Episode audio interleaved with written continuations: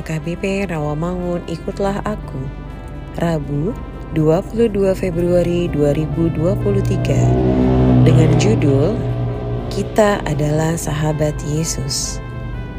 Bacaan kita pagi ini tertulis dalam 1 Korintus 12 ayat 1 sampai 11. Bacaan kita malam ini tertulis dalam Matius 5 ayat 13 sampai 26. Dan kebenaran firman Tuhan yang menjadi ayat renungan kita hari ini tertulis dalam Ayub 6 ayat 4 yang berbunyi, Siapa menahan kasih sayang terhadap sesamanya, melalaikan takut akan yang maha kuasa.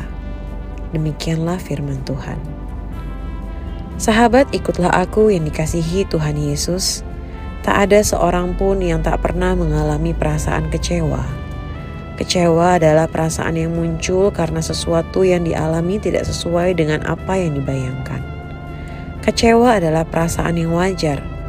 Kecewa adalah perasaan primer yang dapat memunculkan perasaan sekunder, bahkan tersier. Setelah kecewa, lalu apa? Beragam tentu perasaan dan tindakan sekunder yang dapat muncul.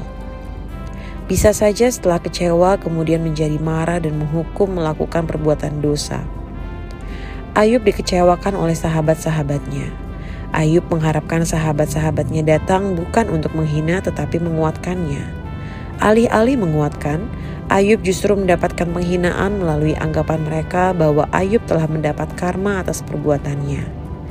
Inilah yang mengecewakan Ayub. Apa yang Ayub lakukan kemudian? Ia bersedih atas kelakuan sahabatnya. Namun dalam kesedihannya ia tetap percaya terhadap nilai kejujuran dan menjaga diri dari kecurangan.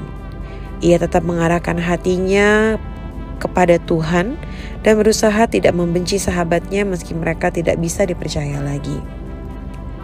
Sahabat ikutlah aku, setiap manusia memiliki pola.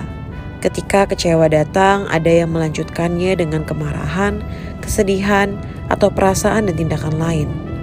Belajar dari Ayub, ia tetap yakin kepada Allah meski kecewaan melandanya. Berbaliklah, aku pasti benar menunjukkan keyakinan yang menjauhkannya dari perasaan dan perbuatan negatif yang dapat menyusul kekecewaan yang ia alami. Bagaimana dengan Anda? Apakah Anda adalah orang yang mudah terbawa kemarahan dan kesedihan berlarut tatkala kekecewaan muncul?